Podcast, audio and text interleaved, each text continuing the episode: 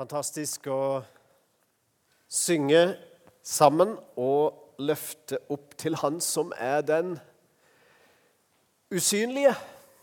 For det er det det skal handle om denne, disse fire søndagene. Det synlige og det usynlige. Og eh, det er et spennende tema, syns jeg. Det vet jeg mange utfordres av. Og Derfor er det flott å kunne dele noe med dere i dag. Håper du har som sagt, fått den i hånda på vei inn. Der står da en leseplan for hver uke disse fire ukene.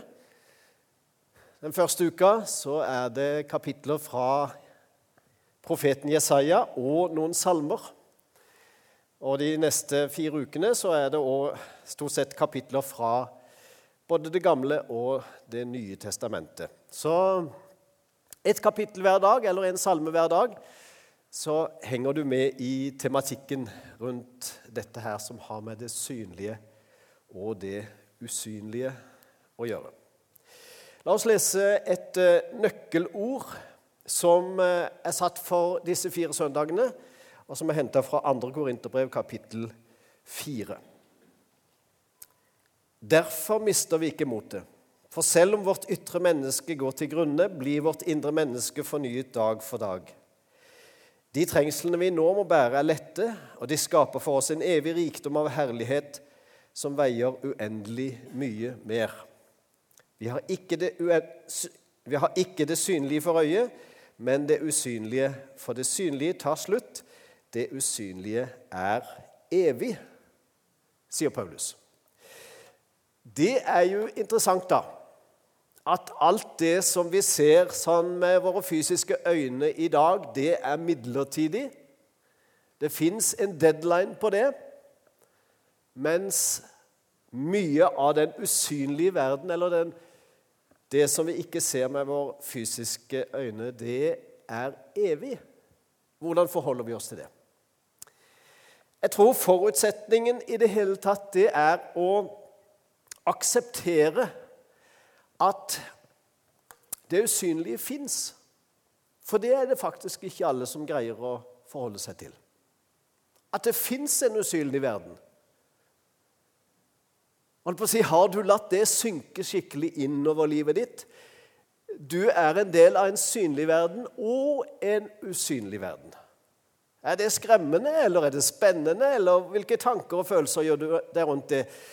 Ja, jeg må si at det er spennende for min del. Det er ikke nødvendig skremmende, men det ligger masse spørsmål og forventninger og tanker og følelser rundt det for min del. Den usynlige verden. Jeg vet ikke Når du har vært ute og gått en, eh, en kveld, eh, og så møter du et sterkt lys og du prøver å skjerme deg for lyset, men eh, det har truffet øynene dine. Og så går det faktisk en stund når det lyset har gått forbi, enten det er bil som kjører forbi, eller i det hele tatt, eh, før du får et godt syn, for da blir alt så veldig mørkt rundt det etterpå. Før det som vi kaller nattsynet vender tilbake igjen. Det tar gjerne litt tid, altså. Det har du vel merka. Jeg var på et sted her eh, for ei uke siden som, eh, der det ikke var naturlig lys i det hele tatt, eller kunstig lys i det hele tatt. Det var bare måneskinnet og skogen og ingenting annet. Og Da blir det veldig tydelig hva du kan se og ikke se. Og Så var det måneskinn, da, så det, det skinte fint. Men du blir veldig klar over hvordan det holdt på å si, kunstige lyset forstyrrer synet ditt, så du ikke ser det som egentlig fins. Det skal være veldig mørkt for at du ikke ser noe som helst. Men lys kan forstyrre ting. Så derfor jeg tenker litt sånn at det som vi bombarderes med i denne verden, det er sånn kunstig lys som vi blir blenda av av og til. Og så mister vi nattsyn, så mister vi det naturlige synet vårt, som kunne oppfatte detaljer allikevel. Nå er ikke nødvendigvis det usynlige at det fins i mørket men det bare fins der, og vi ser det ikke. Disiplene til Jesus de hadde veldig mange sånne opplevelser. At ja, men, Ja, men hva snakker du om, Jesus? Vi skjønner det ikke, vi forstår det ikke, vi ser det ikke. Ja, men hør nå her. Og så brukte han tid på det. Til og med en av profetene i Det gamle testamentet han hadde en disippel. Profeten heter Elisha. Og En dag så kom profetdisippelen springende inn i huset der profeten Elisha bodde, og sa Herre, nå er vi ille ute.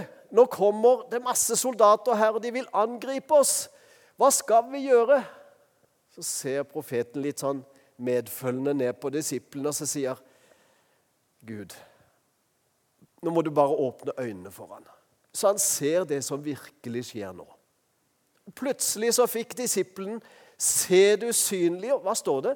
Det står faktisk at plutselig så, så han en omgivelse der det var mange flere som var med de, enn med fienden som kom. Altså se det usynlige. Holdt på å si, Engler er eh, beskreven i Bibelen som eh, en del av den usynlige verden. Og så er det noen som har fått glimt av det opp igjennom. Men vanligvis ser vi jo ikke engler, da. Tror dere på englene?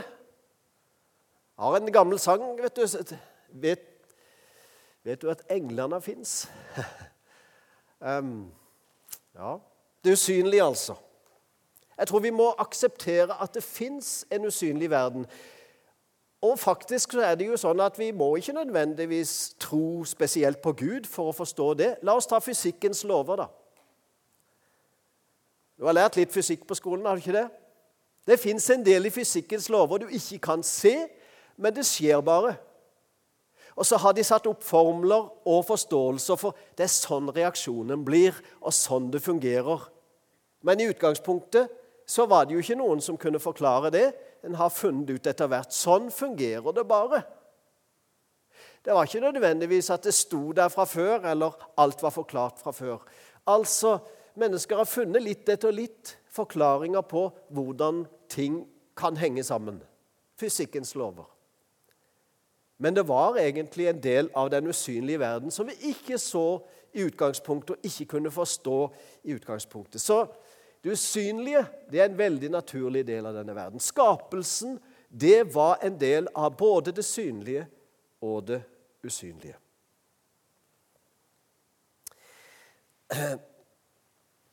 Naturen. Ja, jeg elsker å være ute i naturen. Jeg opplever holdt på å si, Gud nesten sterkest da. Selvfølgelig sammen med andre kristne. Når en kommer til Guds hus en søndag formiddag, så er det flott, altså. Men uti der en kan gå, i, i, hvor en måtte befinne seg, så kjenner jeg at en er så nær på det Gud gjorde veldig godt helt fra begynnelsen av. Det Gud skapte, og jeg er en del av naturen, og du er en del av naturen, står det for. Vi er en del av det skapte. Det fins noe under jorda der det starter. Alt starter under med det vi ikke ser. Det skjønner vi. Nå er det ja, Det er jo ikke vår, da, egentlig, men det ser sånn ut at våren er på gang. Um, og vi skjønner at det, det, begynner å ulme og kime og vokse under jorda. Noen ting spretter fram allerede. Det begynner alltid der. Det begynner med et frø. Det begynner med en knopp. Det begynner med en blomsterløk eller noe som ligger i jorda og venter på å få de rette forutsetninger for å sprette fram. Terje, jeg fant en hagebrosjyre av alle ting denne uka.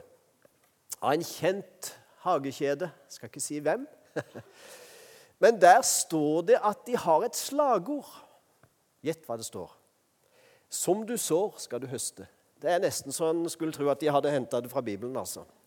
Eh, eh, ja, skal ikke si navn på hagekjeden, men, men det er deres slagord. Men forklaringen på det den blir en litt annen. Hør nå her hva de sier. Det skal påminne oss om at all vekst er helt avhengig av vår lyst og evne hvis vi skal lykkes, står det. Det har de ikke henta fra Bibelen. så har det noe med vår dyktighet og grønne fingre eller hva som helst å gjøre hvis vi skal få hagen til å blomstre godt. Men så å høste, det er en fysisk lov som Gud har skapt fra begynnelsen. Slik har han gjort det. Frø, spiring, plante, frukt. Og sånn er det. Og sånn er det fortsatt i dag, og alle forholder seg til det. Det er eh, all vekst. Den er eh, avhengig av vår lyst og vår evne, sto det. Ja, Bibelen sier at all vekst er avhengig av Gud. All vekst er avhengig av Guds nåde. Og i våre liv så er det vel også avhengig av noen valg vi tar. Noen gode valg. Da spirer det på sin måte. Så, så det med hagebrosjyrer, det er interessant, altså. Litt klipp og lim her og der. Eh, du skal gjerne få den etterpå hvis du er interessert i hvem som skrev det. Men Bibelen sier noe om forutsetningene for veksten. Se på dette skriftordet her. Fra Kolossebrevet 2, kapittel, ja, kapittel 2, vers 6 og 7. Dere har tatt imot Kristus, Jesus, som Herre. Lev da i Ham Vær rotfesta i Han og bygd på Han. Hold fast ved den tro dere er opplært i, med overstrømmende takk til Gud. Altså røtter på et rett sted er viktig.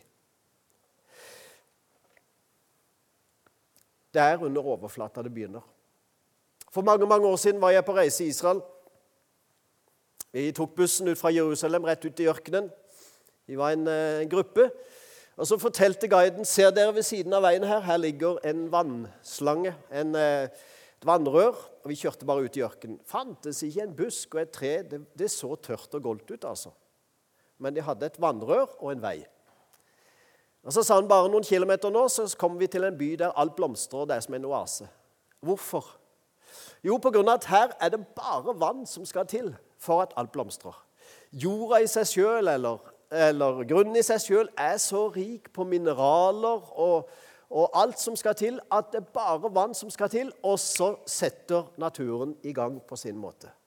Og det var helt rett. Vi kom til en by som var bygd midt ute i ørkenen, bare med en vannledning. Og der blomstra alt, altså. Der eh, kunne de bare sette plantene i jorda litt vann, så, så var det full vekst. Det starta i det skjulte. Det var ingen som kunne se det med det blotte øyne, at her skulle det være grunnlag for liv. Men med litt vann så ble det fantastisk mye liv. Og det, Jeg husker den gang, Det imponerte meg noe enormt. Jeg tenkte hvordan er det i våre liv? Hvilke vekstfaktorer fins i våre liv? Jo, Gud har skapt oss med all mulighet for vekst. Med all mulighet for blomstring og funksjon og liv. Det er Guds tilsetning, det er Guds forutsetning som kommer til eh, syne. Jeg har en hage. Eh, det er ikke noe visningshage, men den gir i hvert fall meg glede. Og jeg fant at krokusen blomstra her eh, om dagen. Så vidt snøen gikk, så kom den opp og snøklokkene. Og nå er tulipanen på gang. Jeg vet ikke hva som ikke er på gang. Alt eh, spirer for tida. Eh, og en tenker er det for tidlig, går det galt eller ikke? Men i hvert fall så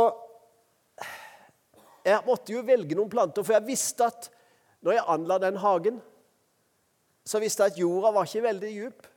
Jeg hadde bedt om å få tilkjørt jord osv. Eh, for eh, hadde hus, et hus på en grushaug og dermed måtte anlegge det med jord. Og så fikk jeg ikke så veldig dyp jord, så jeg visste at det var bare visse typer planter som jeg kunne bruke der. Jeg kunne ikke plante veldig trær så, som trengte veldig djup. Det, det ville ikke fungere der. Men sånne blomsterløker sånn, de trenger ikke så veldig mye. Men det kan bli fort tørt da, hvis jorda er grunn. Så en må vanne stadig, noe som viste seg på regninga fra kommunen når den kom nå. Men det er en annen, annen ting. Um, hagen min, ja. Det blomstrer. og det gjør det. Uh, og jeg vet jo at hvis jeg skal få opp sånne krokuser, så må det settes noe ned, gjerne om, om høsten. Så med kalde fingre i høst, og, og litt, eh, så satte jeg ned det jeg hadde av løk og det som var, som jeg hadde spart på fra tidligere sesong, og så satte det sånn ut på høsten før frosten kom. Og Så hadde jeg ligget der og venta på våren, og det kommer som et skudd. Og jeg vet jo at det hadde jo ikke bare kommet av seg sjøl. Det må jo en prosess, og det må jo noen forutsetninger til. Av og til så tenker vi at livet kommer av seg sjøl. Nei, En av biskopene, tidligere biskoper i Den norske kirke sa det eneste som kommer av seg sjøl, det er forfallet. Og han har antagelig rett. Så vi må gjøre noe, dvs. Si, vi må legge til rette for noe hvis det skal vokse i livet vårt. Vi må plante røttene og ha dem på rett sted, og vi må vite at vi suger til oss de rette tingene. Gud skapte alt godt, står det i begynnelsen. Alt godt. Ja, til og med mennesket ble skapt av jord. Du har lest det, eller har du ikke? Les fra begynnelsen i første Mosebok, så ser du det. Han tok en jordklump, og så forma han det første mennesket. Så til og med vi er forma jord. Men det var jo ikke nok, da.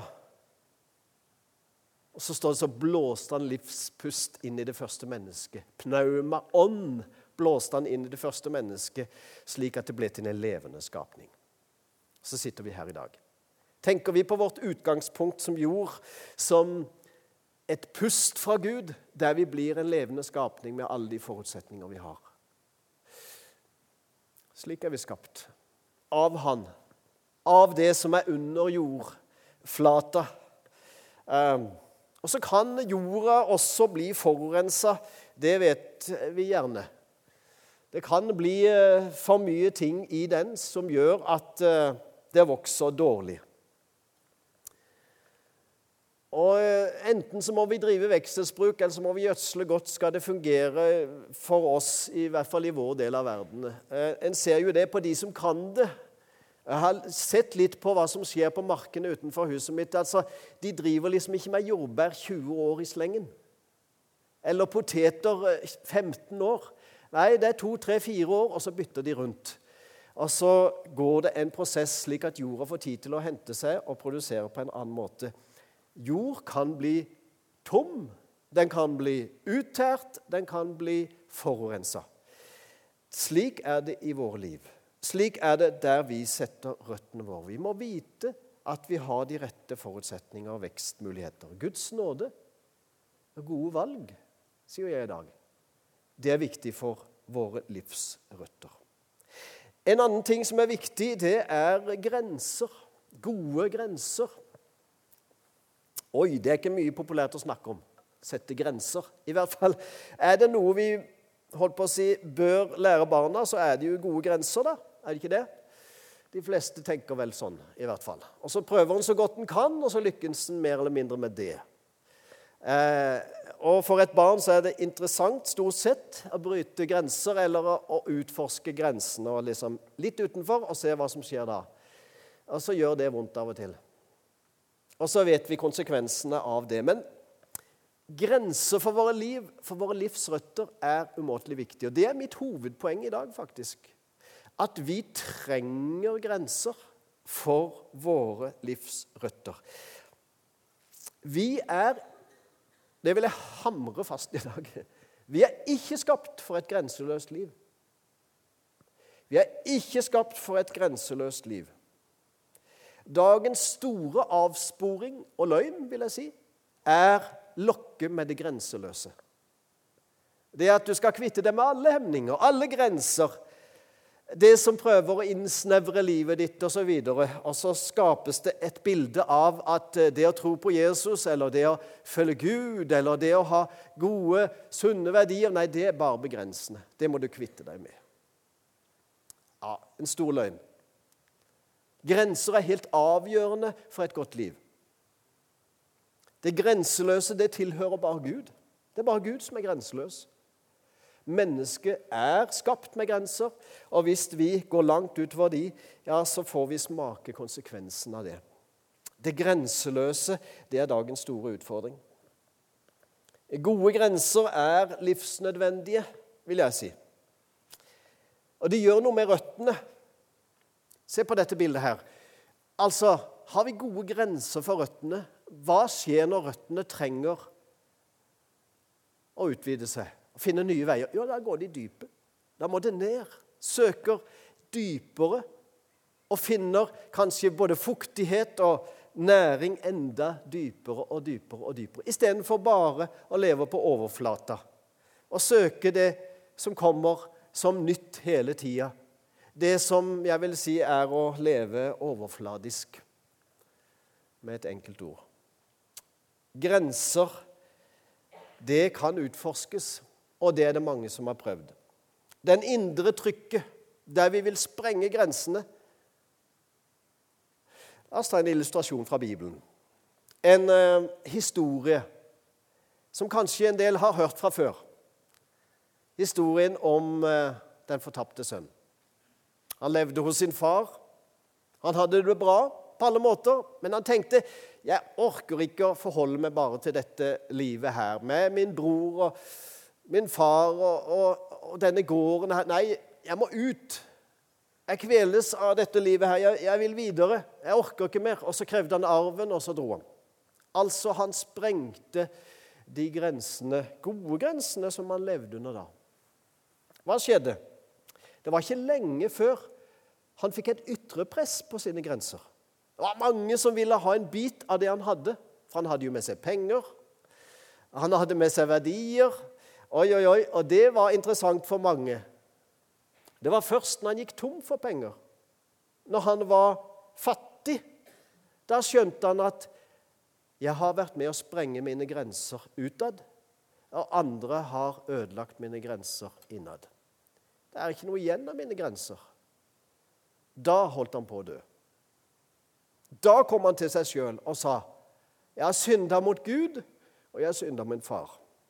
Jeg har egentlig ødelagt alt som var gode livsforutsetninger for mitt liv. Og Det var jo endelig godt at han kom til seg sjøl. Han kunne jo ha endt sitt liv der i grisebingen og osv. Grensene som vi prøver å kvitte oss med, eller som andre invaderer. Det fins noen gode grenser i livet.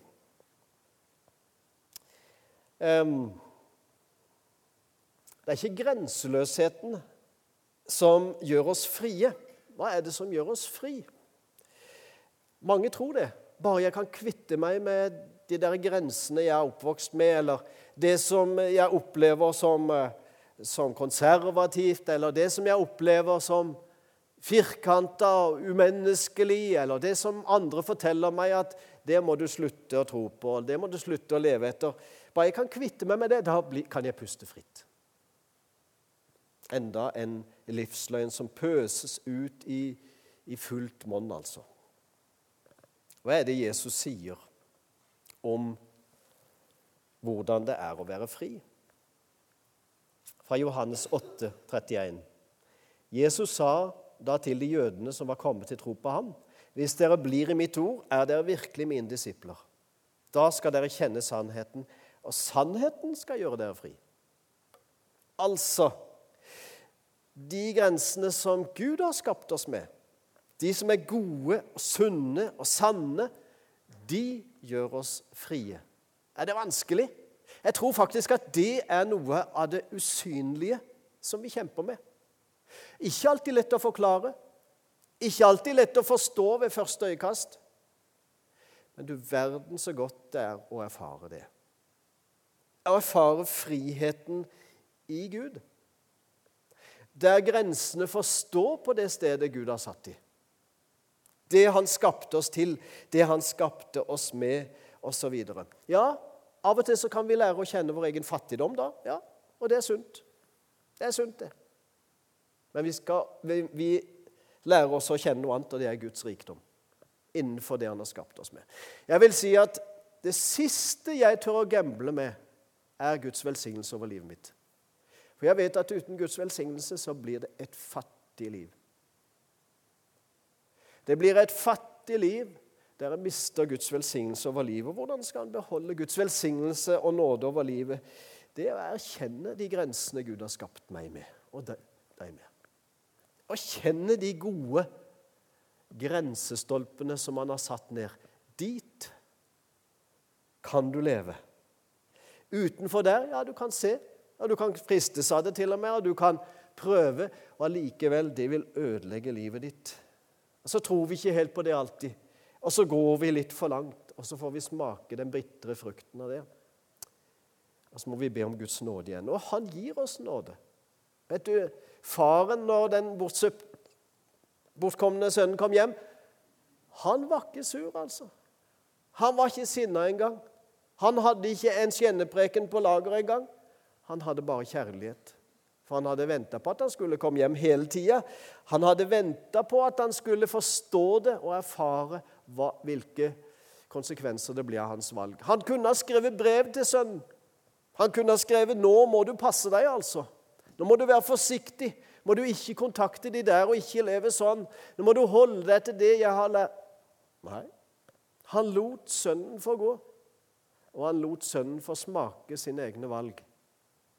Og så kom han til en erkjennelse. Når han var på vei hjem igjen, så møter han faren. Uten pekefingre, uten harde ord, men med en åpen favn. Til de grensene som man var skapt for å leve innenfor. Jeg vil avslutte med det i dag.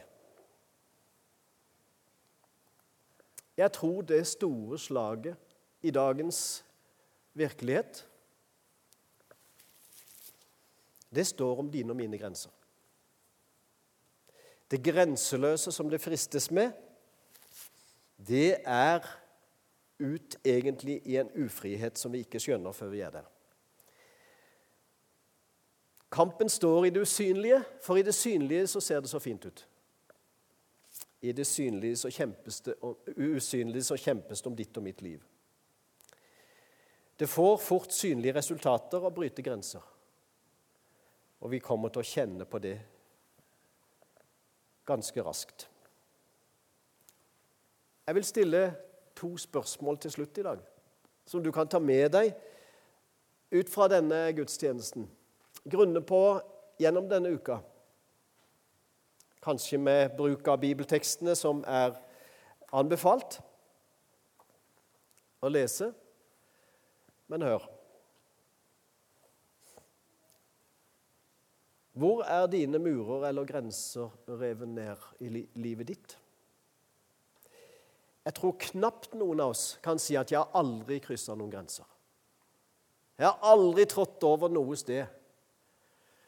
Jeg spør igjen hvor er mine og dine murer reven noe ned?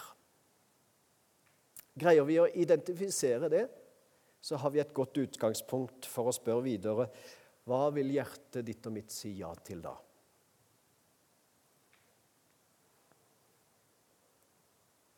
Hvor velger vi ut ifra det vi da erfarer?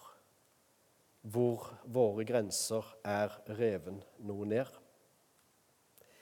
Ta det med deg ut i uka i dag. Jeg fikk det samme spørsmålet en gang for mange år siden. Det gjorde dypt inntrykk på meg. Jeg måtte gå gjennom mitt liv og erkjenne sånn som det var da, og gjøre noe med det. Måtte til og med bekjenne ting, gjøre opp ting og restaurere grensene i livet. Og Gud velsigne deg med den prosessen han vil gjøre i ditt og mitt liv, med gode grenser som han har skapt oss til med sunne grenser som vi skal få utfolde oss innenfor og blomstre slik vi var skapt til. Skal vi be. Kjære Jesus, takk for dagen i dag. Takk for at du lever, og takk for at du har disse skapte grensene. Ikke for å begrense oss, men for at det skulle være til det beste for oss.